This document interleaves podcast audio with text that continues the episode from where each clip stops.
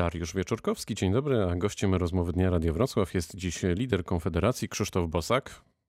Dzień dobry panu i dzień dobry państwu. Dzień dobry panie pośle. Zacznę od e, odpraw dla górników. E, wczoraj E, Marcin Zaborski w e, RMF-ie rozmawiał z Dominikiem Kolorzem, szefem Śląsko-Dąbrowskiej Solidarności. E, szef, czyli pan Kolosz, powiedział tu cytat, że pakiety osłon socjalnych mamy uzgodnione w domyśle z rządem. Odprawa dla górnika, który będzie chciał odejść z zawodu, wyniesie najprawdopodobniej 120 tysięcy złotych netto. Czy takie kwoty robią na panu wrażenie? To jest dużo, mało? Czy to jest odpowiedni poziom wynagrodzenia w kontekście całej reformacji energetycznej w naszym kraju, biorąc pod uwagę, że e, wielu górników faktycznie straci pracę? Czy to rekompensuje? No to jest y, bardzo wysoka kwota i myślę, że wszyscy pracownicy innych branż, y, w szczególności zależnych od rządu, mogliby tylko pomarzyć y, o takich odprawach i moim zdaniem te odprawy pokazują pewien respekt rządu, który rząd ma wobec górników i wobec Śląska. To znaczy być może górnicy i mieszkańcy Śląska są ostatnią grupą społeczną, której rząd się boi, że się zbuntuje i za te pieniądze po prostu rząd próbuje kupić protesty społeczne. Czy to jest e, kwota sprawiedliwa, czy rzeczywiście rekompensująca wygaszanie e, górnictwa? E, trudno powiedzieć, bo tu wszystko zależy od tego po prostu, czy Śląsk będzie się rozwijał i czy będą powstawać alternatywne miejsca pracy. A Pana zdaniem będą? Powstają. To znaczy, akurat województwo śląskie nie należy do najmniej rozwiniętych w Polsce. Tam jest pewne zaplecze przemysłowe i przemysł zawsze chętniej rozwija się tam, gdzie już istnieje, niż tam, gdzie trzeba zacząć od przekształcenia e, gołych pól e, i ziem rolniczych w uzbrojone działki. Także uważam, że z, tego punktu widzenia na przykład zdecydowanie bardziej tak wysokie odprawy należałyby się mieszkańcom województw najbiedniejszych i akurat województwo śląskie do takich nie należy, chociaż też z drugiej strony jest tak, także często mieszkańcy województwa śląskiego uważają, że im się należy coś więcej, ponieważ Śląsk uległ dezindustrializacji.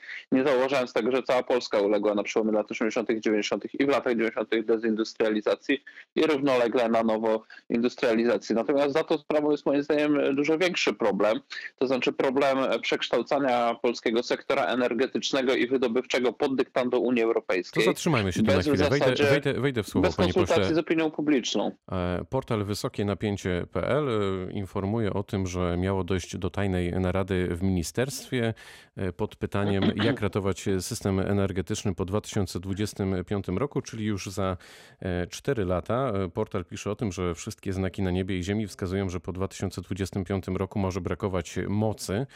Trzeba będzie zamykać stare węglówki, budować nowe niskoemisyjne elektrownie, ale nie należy o tym głośno mówić, bo górnicze związki mogłyby się zdenerwować. Czy można w takim razie jakoś wiązać to, o czym wczoraj mówił pan Dominik Kolosz z publikacją e, portalu? Coś jest na rzeczy Pana Zdecydowanie zdaniem? tak, e, zdecydowanie tak. I to wszystko nie jest tajemnicą już od wielu lat. My, e, moje środowisko robiło ze Śląsko-Dąbrowską Solidarnością wydarzenie na ten temat, konferencję gdzieś około roku 2013, e, gdzie temat w ogóle jeszcze politycznie nie był w modzie. Poza ekspertami kompletnie nikt się wtedy tym nie interesował. I myśmy alarmowali, że polityka unijna uderzy w Polskę, ponieważ Polska miała wówczas i ma dziś także, tu się nic nie zmieniło, najwyższy odsetek ener produkcji energii z węgla. I o ile mamy w tej chwili cały ten trend ekologiczny na odnawialne źródła energii, którego ja absolutnie nie krytykuję, dlatego że produkowanie czystej energii to jest sam w sobie dobry cel. Natomiast tempo przekształceń energetycznych jest bezpośrednio związane z e, po prostu nakładami inwestycyjnymi. I jeżeli my chcemy przekształcić energetykę węglową, to my z tych paneli fotowoltaicznych czy wiatraków nie wytworzymy zaopatrzenia w przemysł e, dla prądu, bo, bo przemysł e, potrzebuje stabilnych dostaw prądu, nieuwarunkowanych pogodą i o dużych mocach. I takie duże moce są po prostu z prawdziwych dużych elektrowni. I tutaj możliwości są właściwie w tej chwili trzy. To znaczy produkcja energii z węgla, produkcja energii z gazu i produkcja przez energię, energetykę atomową. Energetykę atomową wdraża się więcej niż 10 lat. Unia Europejska zobowiązała nas, żebyśmy odeszli od węgla w ciągu kilku lat, ale żebyśmy już pozamykali kopalnie elektrownie. Rząd się na to zgodził i obecny, i, i, i poprzedni. Natomiast tej energii atomowej jeszcze przez wiele lat nie będziemy mieli, choćbyśmy zaczęli inwestycje już tu i teraz. Przez ostatnie pięć lat rząd w tej sprawie nie zrobił prawie nic. Wniosek jest prosty. Będzie po prostu trzeba zastąpić energię z węgla energią A żeby z gazu. to zrobić, to oznacza, a żeby to zrobić że bo paliwo... nie mamy tyle czasu, panie pośle, żeby mówić e, tylko, Tylko i wyłącznie jeszcze ostatnie wątku. zdanie, Dobrze. żeby nasi słuchacze mieli świadomość, co to spowoduje. To spowoduje, że energię produkowaną w oparciu o e, kopaliny, które mamy w ziemi, czyli węgiel, zastąpimy energią produkowaną w o kopaliny, które importujemy, czyli gaz, które w dużej mierze importowaliśmy i pewnie będziemy importować z Rosji. E, I co więcej, będzie to produkcja nieco droższa i również obarczona opłatami za emisję, dlatego że przy produkcji To było zdanie, to jest zdanie emisje. wielokrotnie złożone, panie pośle. To tu stawiamy kropkę e, w tym wątku. To wszystko, o czym rozmawiamy, wymaga ogromnych inwestycji i pieniędzy. Czy Konfederacja poprze Fundusz Odbudowy? Jeżeli chodziłoby tylko o dofinansowanie polskiej energetyki, panie redaktorze, to byłbym pierwszy, który by to popierał. Natomiast nie chodzi wyłącznie, ani nie chodzi przede wszystkim, ani nie chodzi wcale o dofinansowanie polskiej energetyki. W pakiecie tego ładnego hasła, bo Fundusz Odbudowy to jest ładne hasło, natomiast w pakiecie jest po pierwsze to, że Unia Europejska chce nam dyktować, na co mamy wydawać swoje pieniądze i przede wszystkim chce tworzyć nowe długi na poziomie unijnym, nakładać na Europejczyków swoje własne podatki, tworząc w ten sposób tak zwane dochody własne, czyli zręby systemu e, fiskalnego całej Unii Europejskiej. I w dodatku wprowadzona jest w pakiecie zasada pieniądze za e, posłuszeństwo w kwestiach ideologicznych, czyli tak zwana dyrektywa praworządnościowa. Ja się na te wszystkie rzeczy nie zgadzam i myślę, że jest wielu Polaków, którzy uważają, że nasz porządek prawny, ustrojowy, czy nawet fiskalny, bo mówimy też o podatkach, nie jest na sprzedaż ani za 50 milionów euro, ani za 50 miliardów euro. Po prostu weszliśmy do Unii Europejskiej na pewnych określonych zasadach i powinniśmy być na tyle asertywni, żeby oczekiwać, że ta Unia będzie pozostawała w zgodzie z tym, co jest w traktatach. I ten fundusz odbudowy poza traktaty wychodzi. I, ty, I dlatego musi być przez Sejm głosowany. Gdyby fundusz odbudowy mieścił się w traktatach, to w ogóle głosowanie w Sejmie byłoby niepotrzebne. No to jeszcze inaczej. Ekonomiści, na przykład profesor Witor, Witold Modzelewski i profesor Witold Orzechowski mówią, że fundusz odbudowy to być albo nie być Unii Europejskiej i członków wspólnoty. Może jednak warto poprzeć ten projekt, To jest- panie to pośle, a dopiero nieprawda. później na przykład ewentualnie kłócić się o pieniądze i ich podział. Nie, to jest, to jest nieprawda, co powiedzieli ci dwaj ekonomiści. Unia Europejska, czy ten fundusz przejdzie, czy nie przejdzie, będzie trwać.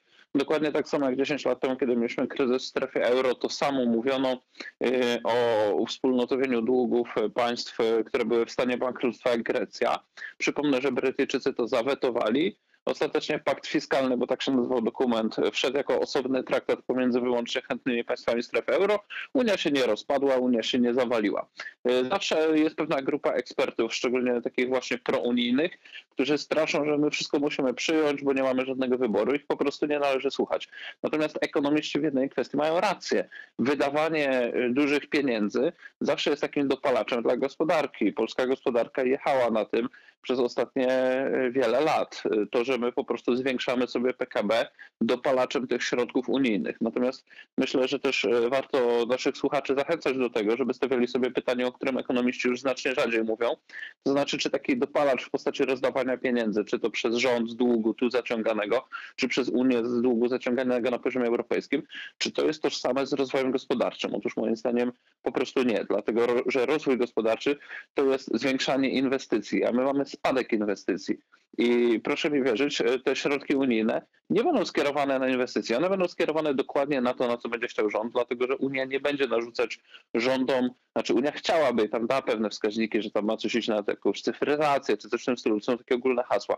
Natomiast ostatecznie rząd po prostu wyda to na swoje programy.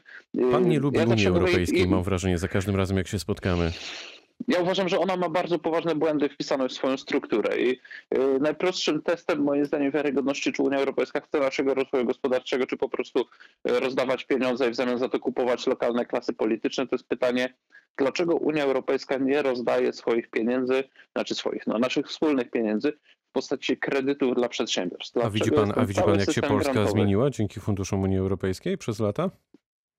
Widzę. Widzę też, że zmieniła się dzięki funduszom polskiego budżetu wydawanym przez samorządy i uważam, że każda inwestycja, która powstała, y, ma, ma w sobie ten, y, każda inwestycja unijna ma w sobie element polski i element unijny. Czyli coś dobrego do pan widzi. Masa, inwe- tak, tak, widzę, że to, żeby wybrzmiało jasno, tak, nie jestem tak uprzedzony do Unii Europejskiej, żebym widział samo zło. Unia Europejska to współpraca gospodarcza, to pokojowa No to chociaż tyle, panie koegzystencja pośle. I to, to nie jest złe. Natomiast zwracam uwagę, żeby po prostu trochę przeciwstawić się tej narracji medialnej, że ten fundusz odbudowy to jest samo dobro i prawda, że ludzie, którzy widzą tutaj pewne minusy albo poważne minusy, no to, że to są właśnie tacy mm, ludzie jakby nierozumiejący rzeczy. Moim zdaniem jest wprost odwrotnie. Ja myślę, panie Fundusz prostu odbudowy, jeżeli warto... zostanie przegłosowany, jeżeli wejdzie, to będzie kolejny dopalacz, dokładnie taki sam jak środki unijne, natomiast to nie będzie żadna epokowa rzecz. Myślę, że po prostu warto e, rozmawiać. Kto powinien, panie pośle, zostać nowym rzecznikiem praw obywatelskich? Kogo by pan widział na tym stanowisku? No idealnie, gdyby to był po prostu jakiś prawnik, e, człowiek, który nie jest zaangażowany politycznie, który ma e, rozsądne, wy- wypośrodkowane poglądy i jest znany z zaangażowania na rzecz obywateli. No natomiast wiemy dobrze, że większość rządząca takiego kandydata nie zgłosi, ponieważ lubi różne wpływowe stanowiska po prostu obsadzać swoimi politykami, więc będziemy pewnie po raz trzeci głosować nad jakimś kandydatem związanym właśnie z obozem rządzącym. No i zobaczymy, kto to będzie.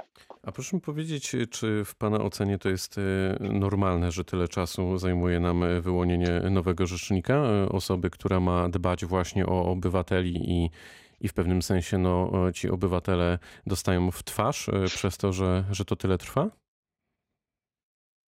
No, chciałbym, żeby było inaczej, natomiast nie mam złudzeń w No demokracji. to może pan coś zrobi, jest- żeby było inaczej. W demokracji jest wszystko, wszystko, panie redaktorze. No ja bym zrobił, gdy zresztą wystawiliśmy wspólnie z PSL-em kandydata, można by powiedzieć, e, który powinien być akceptowalny dla PiSu, czyli Pana profesora Gwiazdowskiego. Roberta Gwiazdowskiego, który nie jest w żaden sposób związany z tą opozycją, której PiS nie lubi, czyli Lewica, Platforma Obywatelska. Natomiast PiS i tak odrzucił tą kandydaturę, no więc e, cóż w takiej sytuacji można zrobić? Po prostu czasem jest tak, że politycy wybrani przez społeczeństwo, którzy dyktują warunki gry na scenie politycznej, po prostu lubią konflikt. I tak jest w przypadku PiSu. E, Prezes PiSu lubi konflikt i lubi uprawiać politykę poprzez konflikt. Lubi swoim wyborcom pokazywać, że dogadanie się nie jest możliwe, dlatego on musi robić tak, jak robi. I kiedy jakiś polityk e, w ten sposób postępuje, przyjmuje taki styl uprawiania polityki, to jedyne, co pozostaje politykom i społeczeństwu pozostaje, to po prostu przeczekać tę kadencję e, z jakąś cierpliwością i, i po prostu anielskim spokojem, mm, pozwalając tym rządzącym politykom odgrywać ten swój teatr e, i, i starać się po prostu zachowywać z jakąś klasą wobec tego prowokowania. No to jest takie prowokowanie, to jest taki sygnał, że mm, nie ma w Polsce ani jednego neutralnego prawnika, który nadałby się na tę funkcję. To jest oczywiście nieprawda. Są tacy prawnicy, są tacy działacze społeczni. Natomiast jeżeli PiS po nich nie chce sięgać i chce testować kolejnych swoich posłów, no to, to, to nie pozostaje nam nic innego niż po prostu głosować nad kolejnymi kandydatami, bo to PiS ma marszałka Sejmu, Musimy kończyć. Lider Konfederacji, poseł Krzysztof Bosak, był gościem rozmowy Dnia Radia Wrocław. Bardzo dziękuję za spotkanie. Dziękuję bardzo, życzę miłego dnia. Pytał Dariusz Wieczorkowski również. Dobrego dnia.